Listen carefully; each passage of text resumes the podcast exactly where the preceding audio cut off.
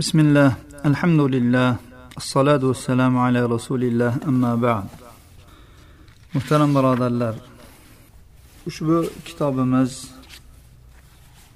to'rt kitobdan ya'ni to'rt bo'limdan iborat edi alhamdulillah bu bo'limlardan uchtasini o'qib tamomladik to'rtinchi bo'limimiz libos va ziynatlarga taalluqli bo'lgan kitob bo'lib bunda o'n ikkita bob bor ya'ni o'n ikkita hadisni o'qib o'rganamiz inshaalloh. Islom dini musulmonlarning kiyimlariga va ziynatlariga alohida e'tibor berdi va ularni kiyinishda va ziynatlanishda e'tiborli bo'lishga chaqirdi. Alloh subhanahu va taolo musulmonlarga xitob qilib dediki xudu zinatakum inda kulli masjid. Har bir namoz oldidan avratlaringizni bekitib turadigan pokiza kiyimlardan iborat shar'iy ziynatda bo'linglar.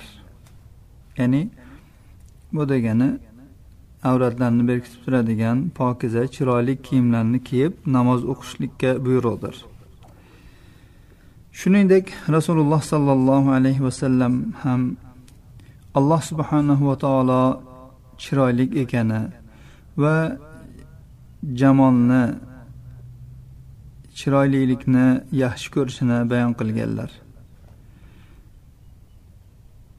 U zot aytdilarki jannatga qalbida zarra miqdorida kibri bo'lgan odam kirmaydi. Shunda hozir bo'lib turgan kishilardan bittalari so'radilarki bir odam kiyimi chiroyli bo'lishini va poyafzali chiroyli bo'lishini yaxshi ko'radi. Buning hukmi nima? Ya'ni bu ham kibrdanmi degan ma'noda savol berdi. Shunda rasululloh sollallohu alayhi vasallam javob berib aytdilarki alloh go'zaldir go'zallikni yaxshi ko'radi. Kibr ya'ni kibr degani haqni inkor qilish va odamlarni kamsitishdir. Demak hay'atning chiroyli bo'lishi chiroyli kiyim kiyish chiroyli poyafzal kiyish bu islomda targ'ib qilingan ishlardan ekan. Jobir ibn abdulloh roziyallohu anhudan rivoyat qilinadi dedilar rasululloh sollallohu alayhi vasallam bizning huzurimizga keldilar va bir odamning sochlari to'zg'iganini ko'rib dedilarki mana bu odam sochini bir yig'ishtirib oladigan tekizlab qo'yadigan narsani topolmaydimi dedilar. Yana boshqa bir kishini ko'rdilarki u odamning kiyimlari kiridi shunda aytdilarki mana bu odam kiyimlarini tozalab oladigan poklaydigan narsani topolmaydimi? Ya'ni kiyimlarini yuvib chiroyli qilib yurmaydimi dedilar.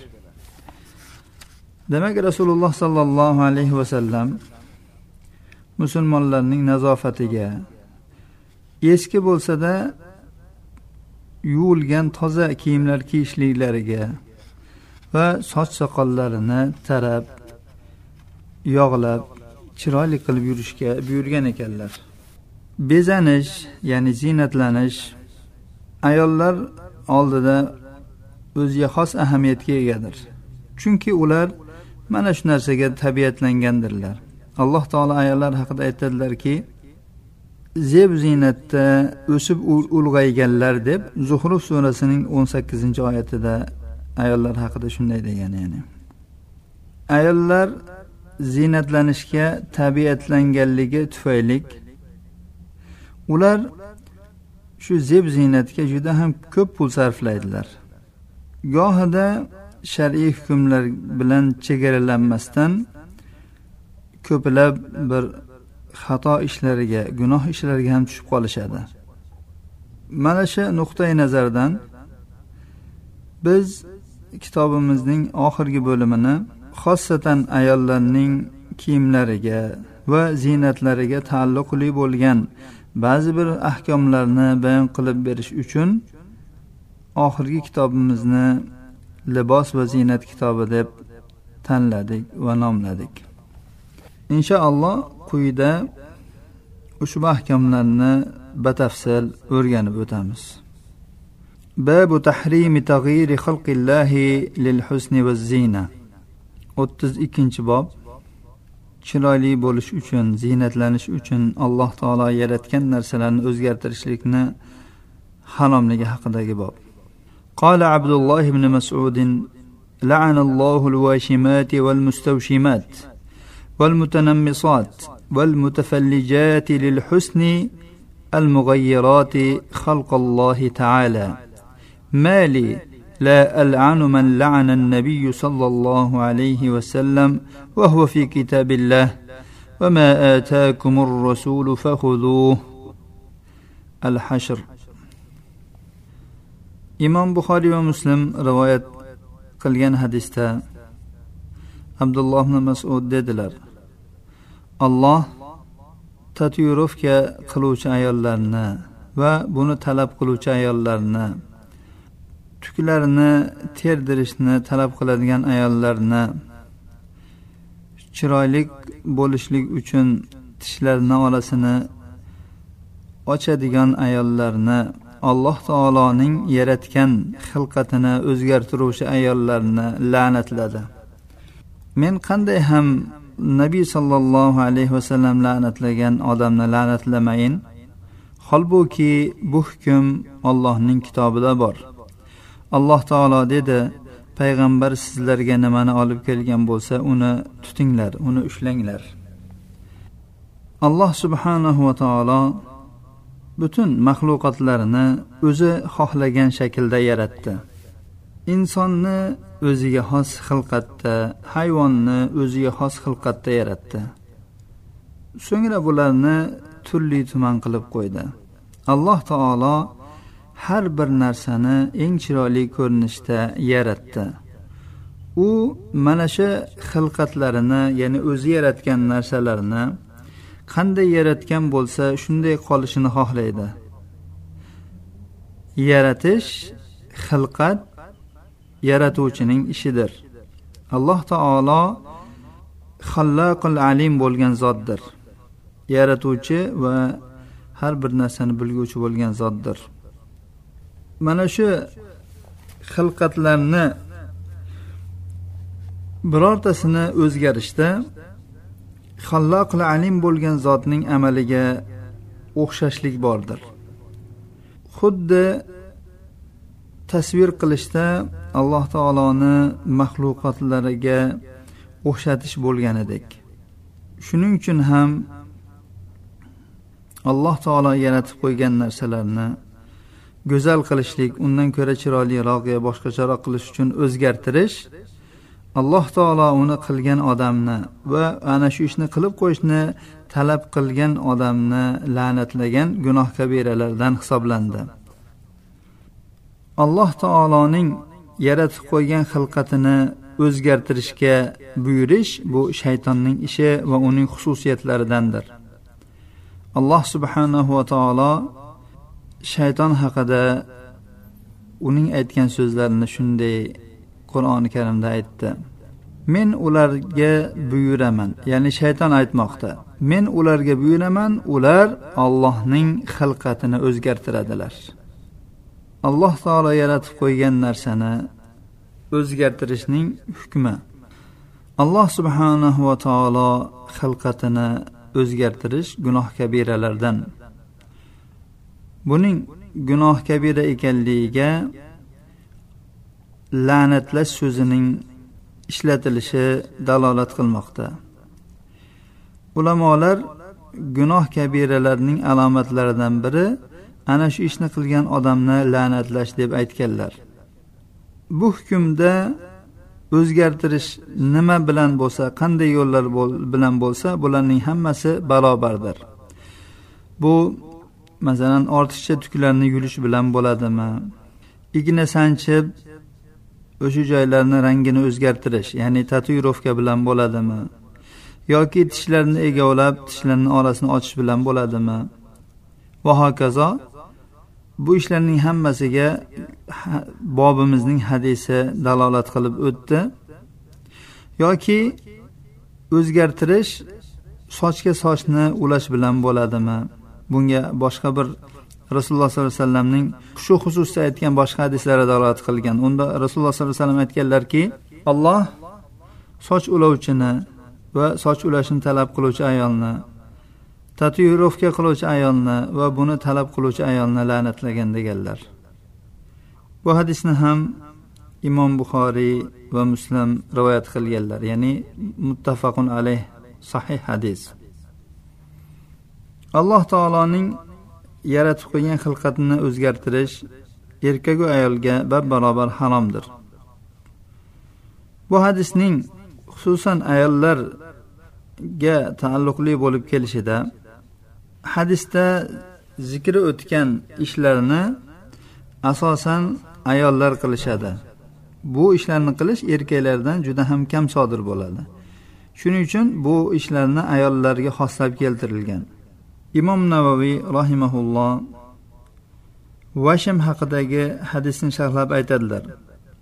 Biz vashim bu ignalarni sanchib uni o'rniga bir rang kirgizib aksar holatda bu ya'ni och yashil bir o'ziga xos bir yashil rangda olib qoladi.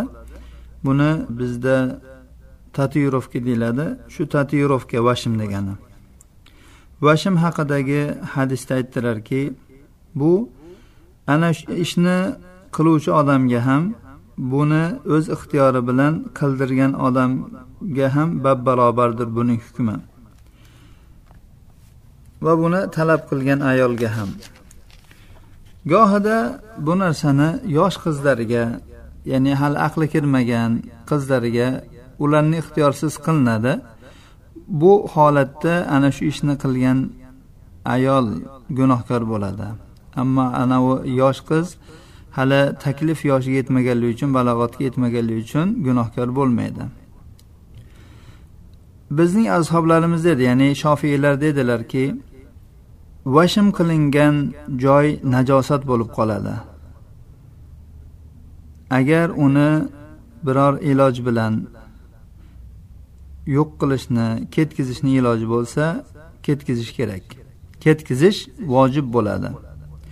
Agar uni faqat bir tibbiy jarohat bilan ketkizish mumkin bo'ladigan bo'lsa agar ana shu amaliyotni qilinadigan bo'lsa bir talofat yetadigan bo'lsa ana shu bir a'zoga yoki ana shu a'zo ishlamay qoladigan bo'lsa yoki o'sha a'zodan foydalanish imkonsiz bo'lib qoladigan bo'lsa yoki e, bu shu ochiq ko'rinib turgan a'zoda bir xunuk bir shaklni qoldiradigan bo'lsa bunda uni ketkizish vojib emas. Agar bu narsa yo'q bo'lib ketadigan bo'lsa gunoh qolmaydi.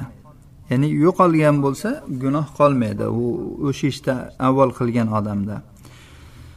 Ammo yuqorida aytilgan holatlardan qo'rqilmaydigan bo'lsa endi buni ketkizish lozimdir. Agar buni kechiktiradigan bo'lsa ketkizmasdan qo'yib yuraveradigan bo'lsa gunohkorlikda davom etadi.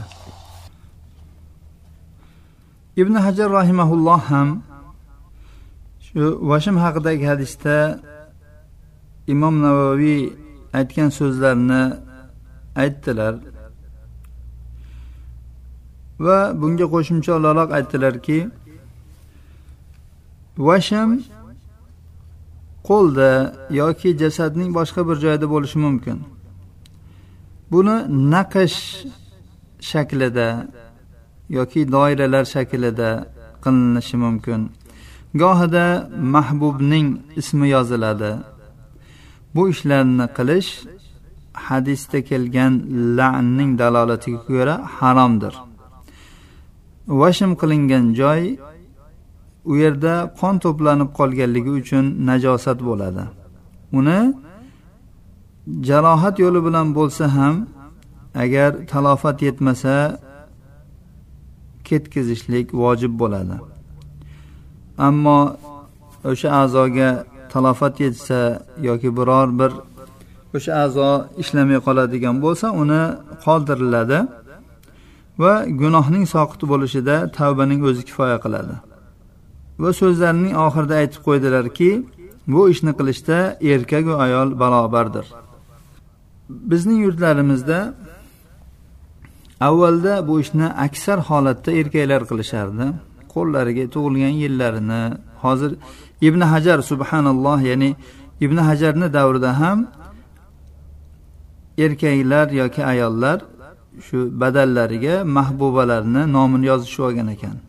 Ya'ni bunaqa axloqlar bu kabi ya'ni buzuqliklar xususida ya'ni zamon makon tanlamaydi ekan. Har bir zamonda shu bir xilda bo'lar ekan bunday holatlar.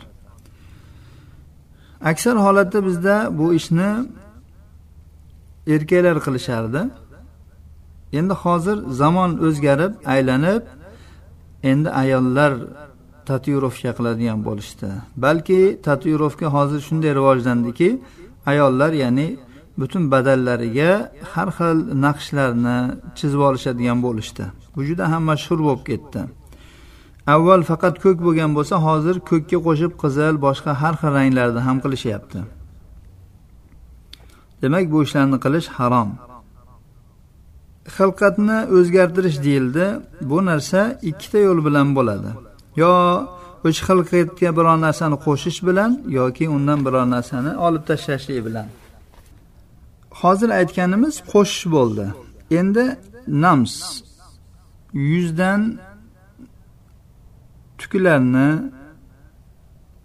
yulib tashlash yoki olib tashlash.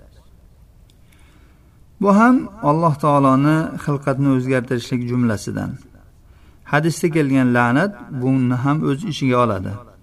Navoiy rahimaulloh dedilarki bu ishni qilish harom. Magaram yoki bundan mustasno holat agar ayol kishidan soqol o'sib chiqsa yoki mo'lov o'sib chiqsa uni ketkazish harom emas balki uni ketkazish bizning mazhabimizda mustahabdir deganlar. Yuqorida aytganimizdek imom navoiy shofiy mazhabida bo'lganlar. Ammo nahiy qilingan shu tuklarni ketkazish bu xossatan qosh va yuzning atroflariga taalluqlidir. Ibn hajar tabariy rahimaullohdan naql qilib dedilarki ayol kishiga alloh taolo yaratib qo'ygan xilqatidan biror narsani o'zgartirishi mumkin emas. Uni ziyodalashtirish bilan bo'ladimi yoki kamaytirish bilan bo'ladimi chiroyli bo'laman deb yoki erim uchun bir e, ziynatlanay deb yoki eridan boshqasi uchun bir ziynatlanib chiroyli ko'rinish uchun bu ishlarni qilish mumkin emas. Masalan bir ayol ikki qoshi bir biriga ulashib ketgan bo'lishi mumkin. Va u ana shu qoshlarni orasi ochiq ekanligini ko'rsatish uchun xuddi qoshlarni orasi ochiq holatda ekan deb o'ylashlik uchun boshqalar qoshlarni orasini terishi mumkin emas. Uni oshiqcha ya'ni tishi bo'lishi mumkin. Va uni yoki birorta bir tishi bor boshqalardan ko'ra uzunroq. Yoki bo'lmasam yuziga soqol yoki mo'ylov chiqqan. Tishlarini kesib tashlashligi yoki egovlatishi bu mo'ylov soqollarini yulib tashlashi mumkin. Gohlarni soch kalta bo'ladi yoki juda ham bir siyrak bo'ladi. U boshqa birovlarni sochini yoki boshqa bir yasama sochlarni olib sochini uzaytirib e, sochini hurpaytirib e, qalin qilib ko'rsatadi. Bularning hammasi yuqorida kelgan hadisdagi man qilish nahiyga kiradi. Bu alloh taoloni xilqatni o'zgartirish deb e-, e'tibor qilinadi. Bu narsalardan istisno qilinadigan narsalar faqat shu o'sha narsalar tufayli bir zarar bo'ladigan bo'lsa ozor bo'ladigan bo'lsa shu narsalarni qilish joiz.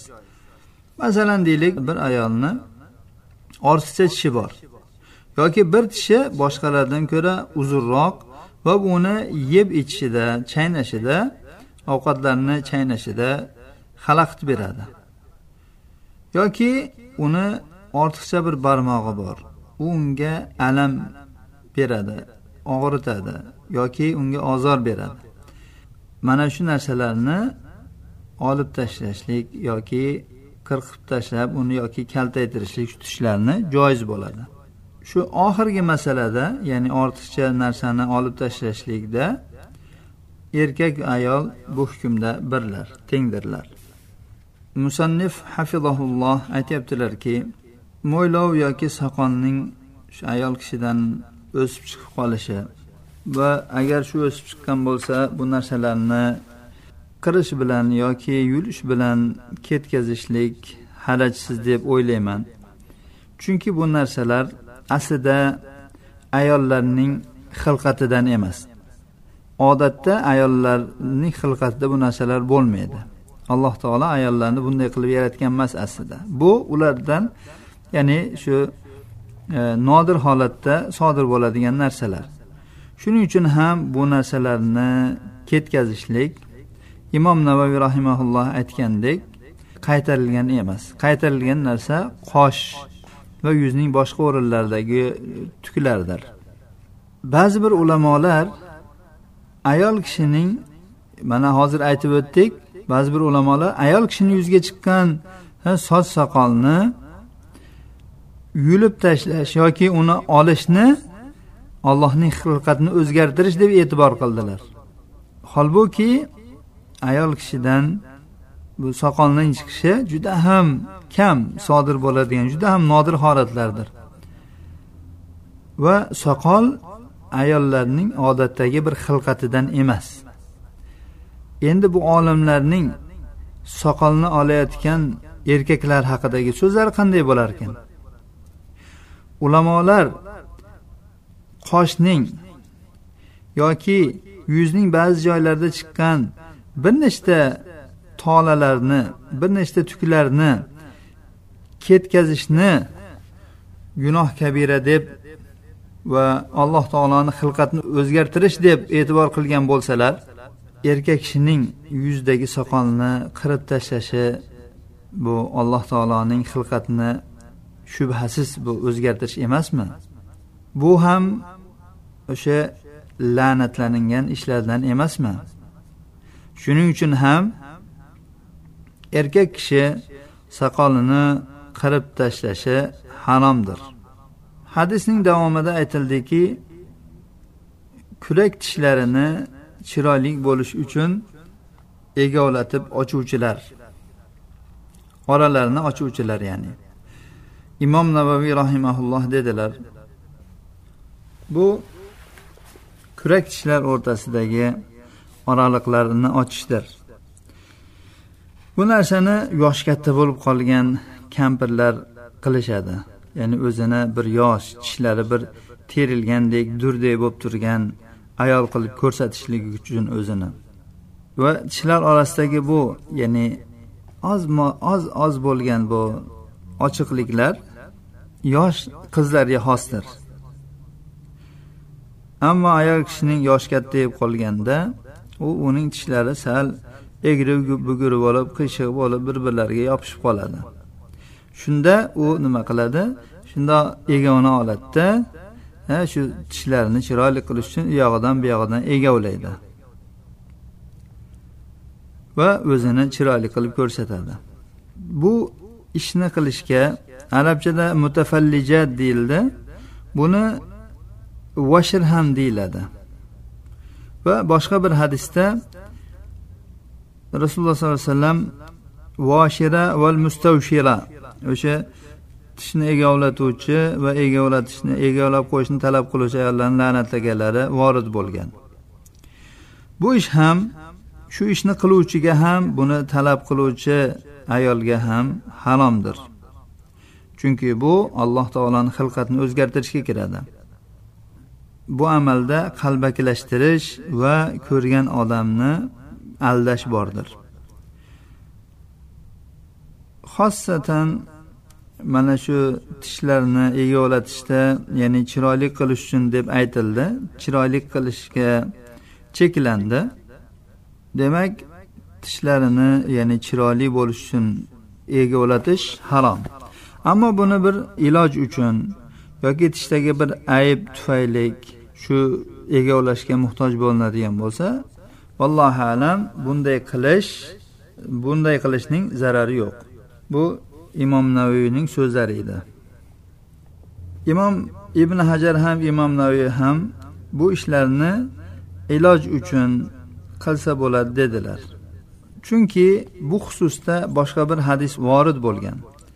Imom ahmad rivoyat qilgan hadisda masruhdan rivoyat qilingan bir ayol ibn masudning oldiga keldi va aytdiki men eshitdimki siz soch o'lovchidan qaytararkansiz. Ibn masud ha dedilar va yuqoridagi qissani aytib berdilar. Va uning oxirida keldiki men rasululloh sollallohu alayhi vasallamdan qosh teruvchi tish egovlatuvchi soch ulovchi vashm qiluvchilarni qaytarganlarini faqat buni bir kasallik tufayli bo'lsa ruxsat berganlarini eshitdim dedilar. Ibn abbosdan rivoyat qilingan hadisda ham aytilganki soch ulovchi ulashni talab qiluvchi qosh teruvchi qosh e, terishni talab qiluvchi ayol vashim qiluvchi va buni talab qiluvchi ayollar bir kasalliksiz bo'ladigan bo'lsa bu ishlar la'natlangan deb aytganlar. Shu qaytarilgan o'zgartirishning qoidasi nima? Nima desak yoki qaysi narsa bunga qoida bo'lishi mumkin? Shu haqda ozgina bahs yuritamiz. Yuqoridagi hadislar alloh taoloning xilqatini o'zgartirishni man qilish haqida vorid bo'ldi. Ba'zi bir dalillar vorid bo'lganki unda ko'rinishda alloh taoloni xilqatini o'zgartirishga buyruqlar kelgan va bu o'zgartirish mashru ekanligi bayon qilingan. Masalan xatna qilish mo'ylovlarni qisqartirish sochni qirdirish tirnoqlarni olish avrat o'rinlaridagi mo'ylarni qirib tashlash qo'ltiq tuklarini yulish mo'ylardagi oqni boshqa rangga o'zgartirish va bundan boshqa ishlar haqida dalillar vorid bo'lgan. Bu dalillarda hech qanday bir ishkollik yo'q. Qaysi ishni man qilingan bo'lsa undan tiyiniladi. Qaysi ishni buyurilgan bo'lsa buni qilinadi. Biroq bu yerda ba'zi bir zamonaviy o'zgartirish ko'rinishlari borki biz bularni qaysi biriga bog'laymiz? Bo'ladigan deganigami yoki bo'lmaydiganiga? Shularni ya'ni aniq belgilash uchun bizda bir qoida bo'lishi kerak. Falon qoidaga ko'ra bu narsa joiz yoki joiz emas deb aytishligimiz uchun. Masalan aytaylik joizlik va nojoizlik o'rtasini farqlash uchun qoida qilib davomiylikni aytadigan bo'lsak. Aytsakki bu o'zgartirish doimiy bo'ladigan bo'lsa doim qolib ketadigan bo'lsa mumkin emas. Agar vaqtincha bo'lib keyin bu narsa ya'ni vaqt o'tishi bilan yo'q bo'lib ketadigan bo'lsa o'zgarib qoladigan bo'lsa bu bo'laveradi deb aytishimiz mumkin. Bu qoida to'g'ri bo'lmaydi. Chunki qosh terish vaqtincha o'zgartirishga kiradi. Vaqt o'tishi bilan qosh yana o'sib chiqib qoladi. Bu narsa shariatda man qilingan. Demak doimiylik degan narsa qoida bo'lolmaydi ekan. Haqiqiy o'zgartirish degan narsani qoida qilib olsak bo'ladimi bo'lmaydimi? Masalan aytilsaki o'zgartirish haqiqiy bo'lsa zohiriy emas haqiqiy bo'lsa. Haqiqiy bo'lsa man qilinadi zohiriy bo'lsa man qilinmaydi. Bu ham qoida bo'lishga yaramaydi. Chunki soch ulash buni qoida bo'lishdan to'sadi. Chunki bunda zohiriy o'zgartirish bor haqiqiy emas. Shunday bo'lsada bu ishni qilish mumkin emas. Demak haqiqiy nohaqiqiy degan narsa qoida bo'lolmaydi ekan. Shu o'zgartirish tufayli zarar bo'lsa yoki bo'lmasa degan narsani qoida qilish bo'ladimi yoki yo'qmi? Masalan deylik o'zgartirish qildi zarar berdi. Bu mumkin emas. O'zgartirish qildi zarar bermadi. Bu joiz. Bu narsa ham qoida bo'lolmaydi chunki qaytarilgan ishlarning yuqorida hadislarda o'tgan qaytarilgan ishlarning aksarida zarar bo'lmaydi. Zarar ochiq ko'ringan emas. Biz yuqorida dalillarda aytib o'tilgan man qilingan suratlar ya'ni ko'rinishlar orqali aytishimiz mumkinki mumkin yoki man qilingan taqiqlangan o'zgartirishning qoidasi quyidagicha. Birinchidan shar'iy dalillar man qilgan ishlarning hammasi mamnu taqiqlangan bu o'sha falon ishni qilish mumkin emas deyildimi? Buni nima illati bor nima sabab bor deb izlanib o'tirilmaydi. Man qilindimi? Tamom. Bu ish qosh terish yoki vashim qilish tatuirovka qilish va shunga o'xshagan ishlar kabi. Goha ishlar borki shariat bunga ijozat bergan balki uni mashru qilib qo'ygan. Bu ana shu dalilga ko'ra mashru hisoblanaveradi va ya'ni qaytarilgan o'zgartirish deb atalmaydi. Bu xatni va tirnoqlarni olish ortiqcha ya'ni avrat o'rinlaridagi mo'ylarni qirib tashlash kabi. Bu birinchisi edi. Ikkinchisi shar'iy dalillarda xos zikr qilinmagan o'zgartirish. Bu ikki ish o'rtasida bo'ladi. Bu yo haqiqiy o'zgartirish bo'ladi yoki zohiriy o'zgartirish bo'ladi. Ko'rinishda o'zgartirish bo'ladi. Agar o'zgartirish haqiqiy bo'ladigan bo'lsa bu mumkin emas. Chunki bu yuqorida umumiy suratda aytildi bu narsalar. Ya'ni o'z ollohning xilqatini haqiqiy suratda o'zgartirish mumkin emas. Masalan soqolni qirish kabi. Agar o'zgartirish zohiriy faqat ko'rinishda bo'ladigan bo'lsa haqiqiy emas. U ya'ni o'sha odamga qarayotgan odam buni faqat zohirni ko'radi botinni bilmaydi. Buni e, botinni bilmaganligi uchun ko'rinishda ha bu haqiqiy deb o'ylaydi. Bu ham haqiqiy o'zgartirishga dohil bo'laveradi. Masalan kimdir sochini qoraga bo'yab oladi. Chunki soch aslida qora bo'ladi. Qora deganimizda tim qora bo'lishi shart emas. Uni masalan oqargandan keyin qoraga bo'yab olsa ko'rgan odam ha buni sochi haliyam qora ekan deb o'ylaydi. Endi tag'yir ya'ni o'zgartirish zohiriy bo'lsa lekin uning ya'ni o'zgartirilgani qarovchi odamga ya'ni yashirin bo'lmasa ochiq oshkor bo'lsa haqiqatni bila oladigan bo'lsa masalan kimdir sochini yoki soqolini oqargandan keyin qoradan boshqa rangga masalan xina yoki katim shunga o'xshagan narsalarga bo'yalgan bo'lsa. Bu narsa joizdir. Rasululloh sollallohu alayhi vasallam abu bakrni otalari abu quhofa olib kelinganda fath makka kunida soch soqoli juda ham oqarib ketgan odam edi. Shunda rasululloh sollallohu alayhi vasallam uni bu rangini o'zgartiringlar lekin e, qora bilan o'zgartirmanglar deb qo'yganlar. Demak soch soqolni ya'ni ko'rgan odam bu o'zining haqiqiy rangi emasligini biladigan rangi bo'yaydigan bo'lsa joiz ekan. Ammo haqiqiy rangga o'xshatib bo'yaydigan bo'lsa bu joiz emas ekan. Shundan kelib chiqib ma'lum bo'ladiki sochga masalan ip jun yoki bir ipaklardan yoki boshqa narsalardan ulab olinadi. Haqiqiy soch ulanmaydi.